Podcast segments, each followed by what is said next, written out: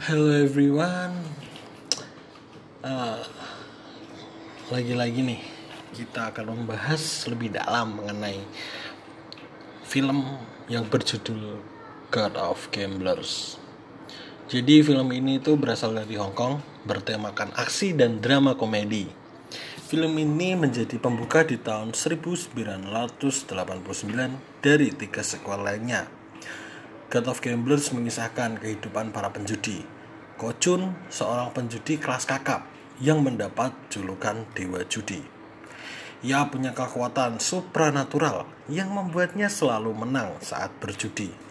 Akibatnya orang-orang segan kepadanya.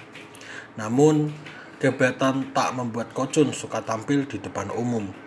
Ia bahkan sosok yang misterius karena selalu menghindari sorotan media.